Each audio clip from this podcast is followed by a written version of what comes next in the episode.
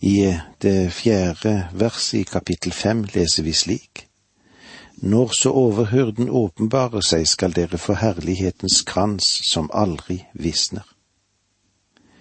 En eldstes tjeneste skulle foregå under den klare bevissthet at han tjener overhyrden, som han også skal være ansvarlig overfor. Han som skal lønne hans tjeneste med en lønn som er evig. Få ikke det inntrykk av at vi arbeider for ingenting. Det gjør vi ikke. Paulus gjør det helt klart at en kristen ikke arbeider for ingenting. Du skal arbeide for ham, og en dag skal din lønn komme fra ham. Slik skal vi tjene ham. Det betyr ikke at vi skuler etter hans anerkjennelse, men når vårt hjerte helt og fullt er i hans hender, så er tjenesten en glede i seg selv eventuelt lønn. Det er nordelønn. Det er ingen prestasjonslønn. Dere skal få herlighetens krans som aldri visner. Det er mange kroner nevnt i Skriften, inkludert livets kroner og rettferdighetens krone eller krans. Hva er en herlighetens krans eller krone? Jeg tror at det betyr at vi en dag skal dele Hans herlighet. Det finnes omkring et dusin forskjellige ord i Det gamle testamentet som blir oversatt med ordet herlighet. Herlighet, det er ikke noe fremmedord. Men hva er ordet for deg? Forstår du ordet? Herlighet. Hvor stor er herligheten? Hvordan ytrer den seg? Hva er herligheten? Jeg antar at mange har liten idé om det. Hva er betydningen av herlighet? Jeg har funnet ut at herlighet har en form og en størrelse. Lytt til Guds ord. Salme 19,2 Himmelen forkynner Guds herlighet. Hvelvingen forteller om Hans henders verk. Størrelsen på det univers som vitenskapsmennene forsker i, er kolossal. Og likevel tror jeg ikke at det er kommet lenger enn kanskje et lite steg inn på gårdsplassen i Guds univers. Det er så stort. Det er herlighet. Det er Guds storhet. Har herligheten noen farge? Se opp i dette veldige univers ved nattetid Fest blikket ditt på himmelen. På høsten må du ta et blikk på bladene på trærne. Det er vidunderlig å merke seg alle fargene som er der. Det er herlighet. Guds herlighet. Jeg har en god venn som er interessert i hagearbeid. En gang jeg besøkte ham, løftet han opp kalken på en av sommerblomsten og sa, Tidlig om våren stikker jeg bare ned et lite såkorn i bakken. Se hva som kommer opp. Og så prøver de å fortelle meg at det ikke finnes noen Gud. Herlighet har farge.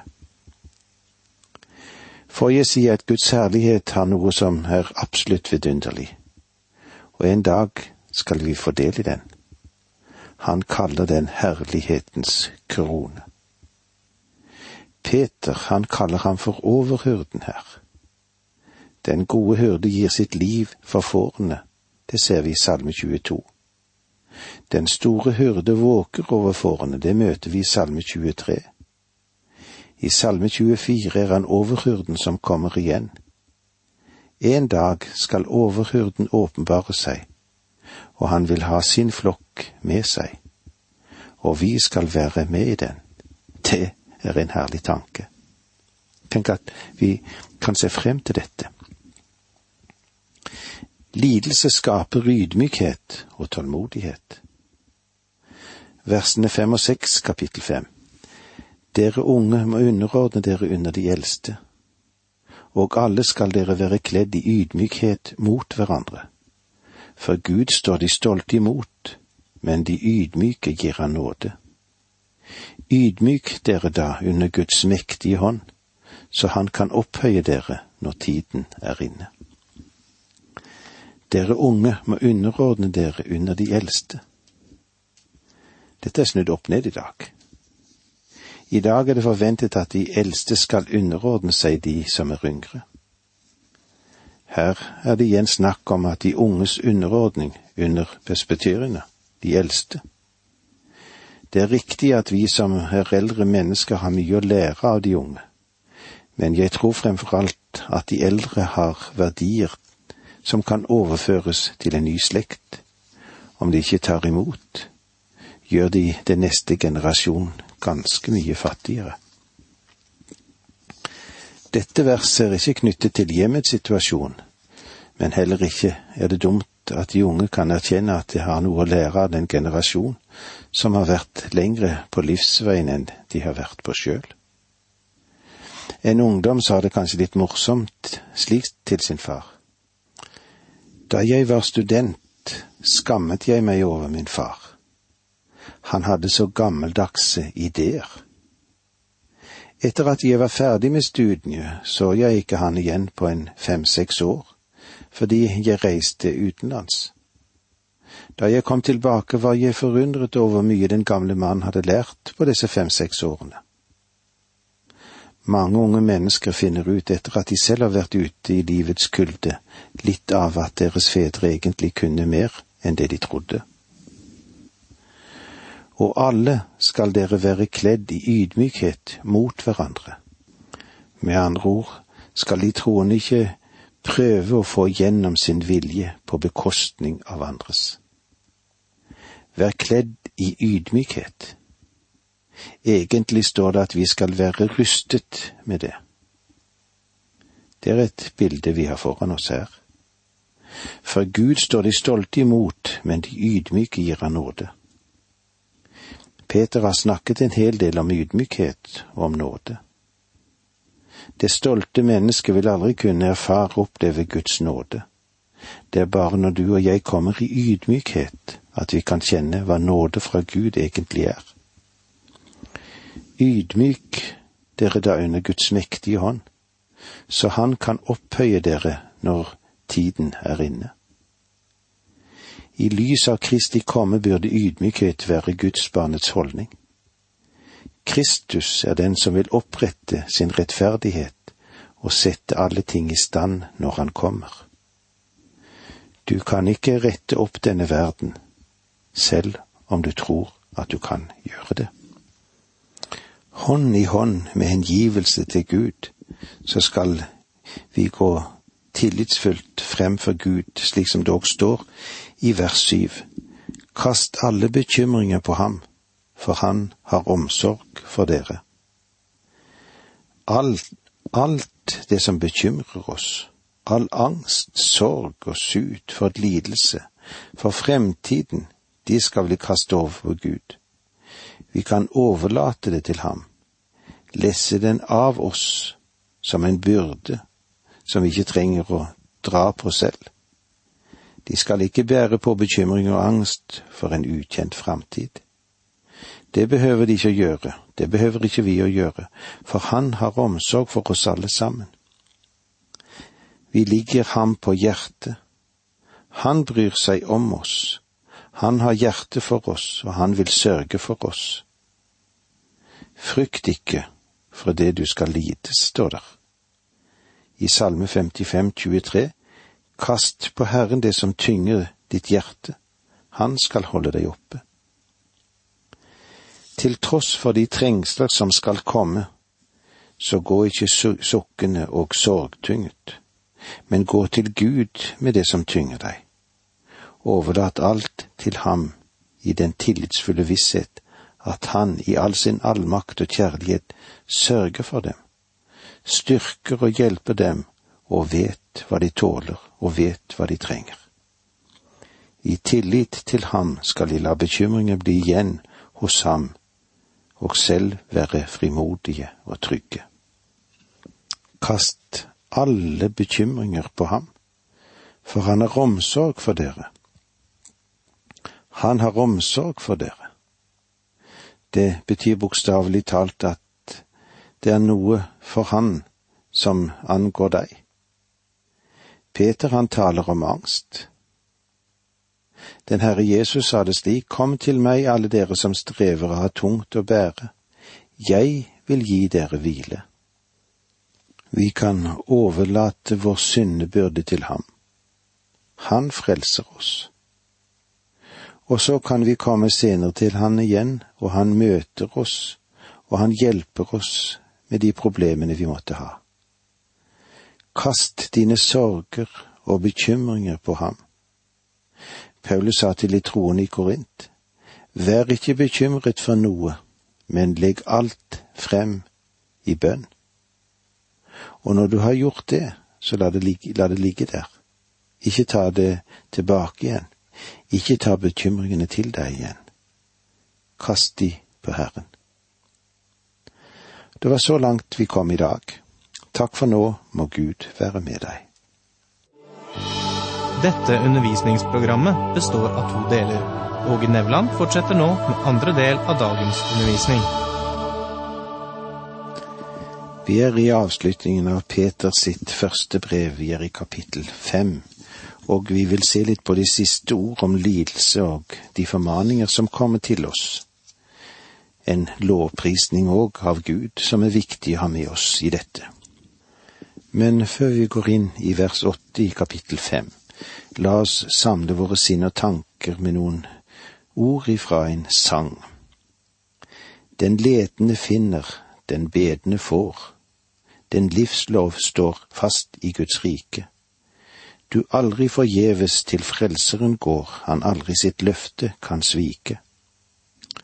Guds ord som en klippe i vel og i ved, står fast når alt annet må vike.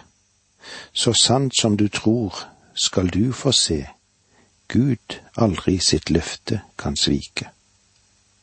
Takk for det slik, og takk for at den som leter, han får Takk for at du har også sagt at vi som ber, skal få. Nå ber vi om at du velsigner denne stunda for oss i ditt gode og hellige navn. Amen. Vi er altså i det femte kapitlet i Peters første brev, og i vers åtte så leser vi slik:" Vær nøkterne og våk. Deres motstander djevelen går omkring som en brølende løve for å finne noen å sluke. Ordet nøkteren kommer fra et annet gresk ord som blir brukt i første Peter 4-7. Det betyr noe mer enn å være på vakt. Vær nøkteren og våk. Peter sier her at vi er i en kampsituasjon. Det dreier seg ikke om noe mindre enn en kamp mot et vilt dyr, mot Satan, som er på, i kamp på liv og død. Deres motstander, djevelen, går omkring som en brølende løver og leter etter hvem han kan oppsluke. Ja, bak lidelsene og de forfølgelser som kommer, lurer Satan, som vil bruke trengslene til å føre oss bort ifra Gud. Det gjelder her i den strid mot fristeren. Derfor må vi alle sammen være edrue. Vi må være nøkterne vi må våke, vi må stå på vakt, så ikke det oppstår en åndelig søvn, og at det oppstår en sorgløs sikkerhet, og at dette slippes inn i livet vårt. Tvert imot må vi alltid se etter at Han som vil ta oss, kan overrumple oss og gripe oss. Hovedfienden er motstanderen, Satan, fordi han står Gud og alle mennesker imot. Han er kalt for djevelen fordi han er bakvaskeren, den falske anklageren, med tanke på at han anklager de hellige, slik har det vært opp gjennom alle tider. Djevelen er lignet med villdyrets konge. Han går rundt som en brølende løve, som burer og brøler av sult og rovlyst. Og eh, det voldsomme brøl kan nok skremme oss mang en gang. Den går omkring fra den ene til den andre og prøver om man kan finne noen som den kan ødelegge og sluke og gjøre det helt av med vedkommende.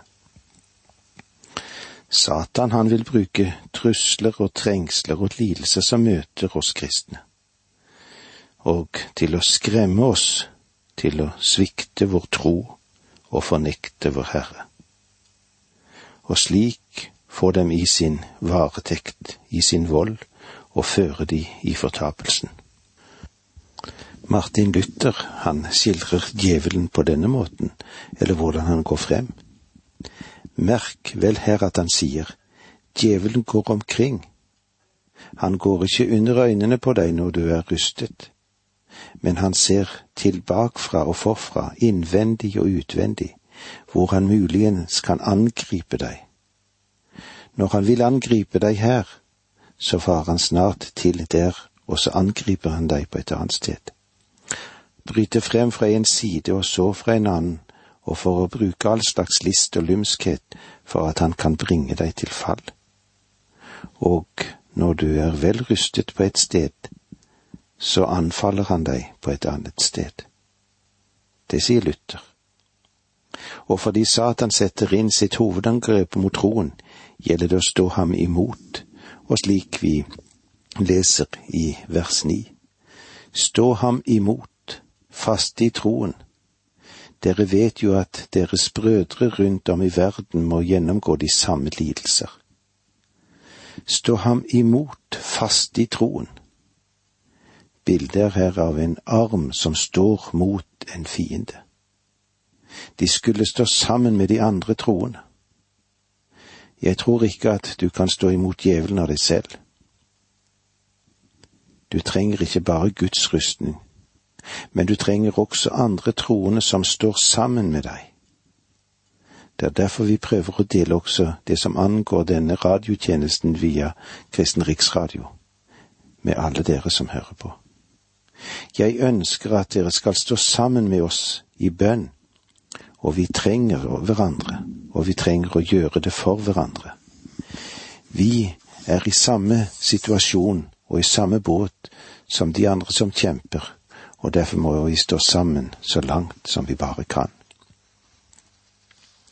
En kort stund må dere nok lide, men all nådes Gud, som ved Kristus har kalt dere til sin evige herlighet, han skal utruste dere og gi dere kraft og styrke og stille dere på fast grunn.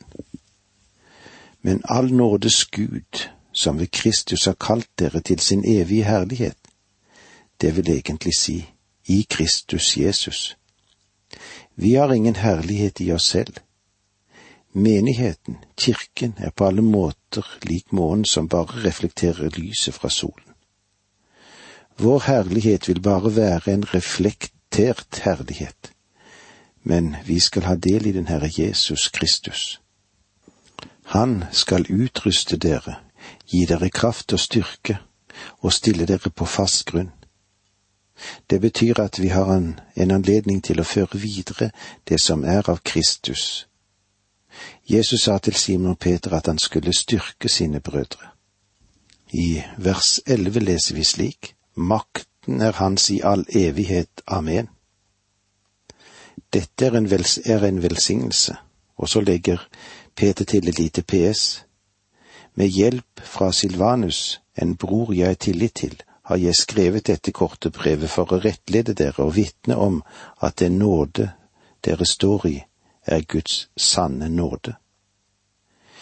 Peter er forfatteren, men Silvanus er skriveren. Så om du ikke liker det greske språket i dette brevet, så får du klandre Silvanus og ikke Peter. Vers 13.